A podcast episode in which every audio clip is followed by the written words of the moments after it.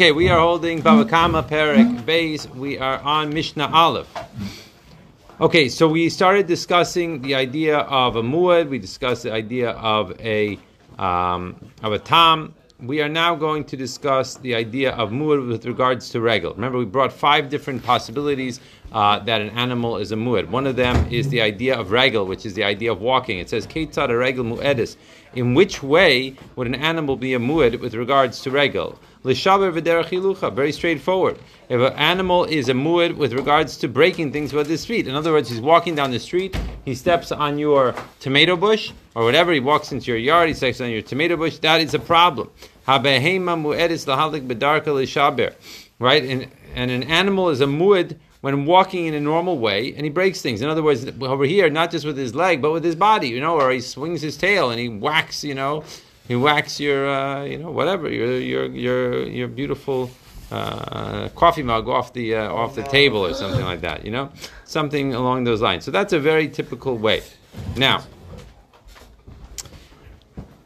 Here in the following cases, we're going to talk about a couple of situations where he does, the animal does break with his feet, but the owner is only going to pay half.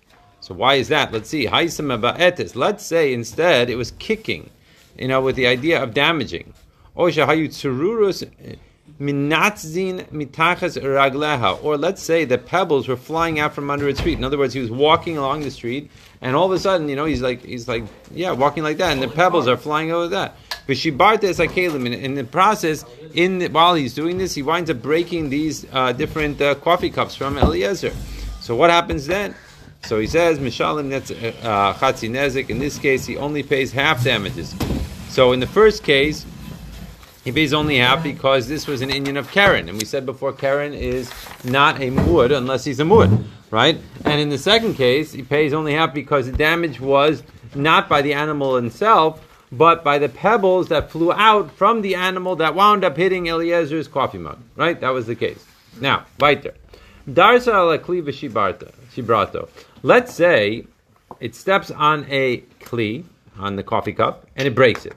V'nafal al kli v'shibro. And a piece of this kli now fell down, and now it broke another coffee cup, David's coffee cup, in, in addition. Yeah, everyone got the case?